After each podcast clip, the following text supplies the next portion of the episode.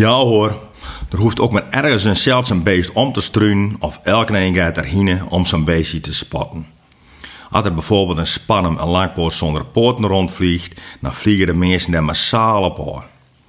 Verleden week gingen er heel veel mensen speciaal naar de haven van Hallingen, omdat ze de walrus zien wouden die gewoon een dagje in Hallingen waren om te bekomen.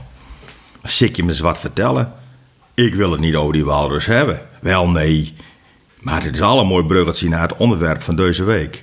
Want het waren om het John Lennon, toen naar Beatle, die het nummer I'm the Walrus schreef en zong. En die John Lennon was verleden week in het Nice, zonder dat hij daar zelfs wat aan doen kon. Kon ook niet, want hij is hest al 41 jaar dood. Het ging erom dat er een cassettebaansie met de rappengeluidsopname van John Lennon op een vordering in Kopenhagen 50.000 euro opleverd heeft. Herhaal 50.000.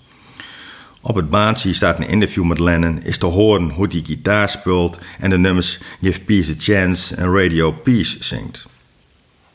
De opname duurt een half uur en is in 1970 gemaakt door vier 16-jarige Deense tieners voor de schoolkrant. Ongelooflijk dat zo'n 50.000 euro oplevert.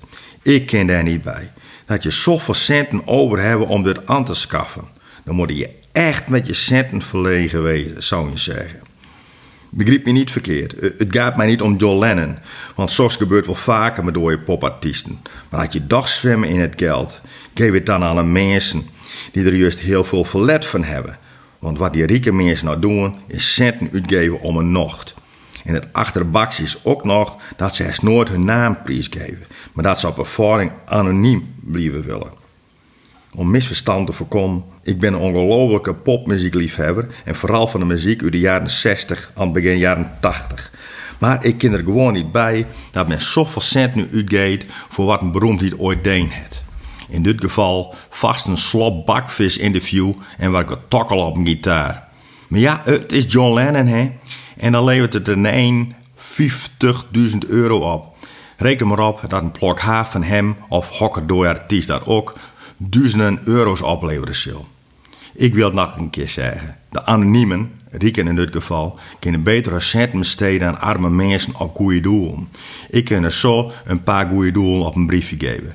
Dat briefje zal nou nog niks weerig wezen, maar dat ik aan zijn wereldberoemd op het beeld ben en dood, want dat is een voorwaarde, dan, dan is het ook nog niks weerig. Geen gek zou er wat voor geven. Dat zou ik zelfs ook niet doen. Ik zou gek wezen. Hand na je week.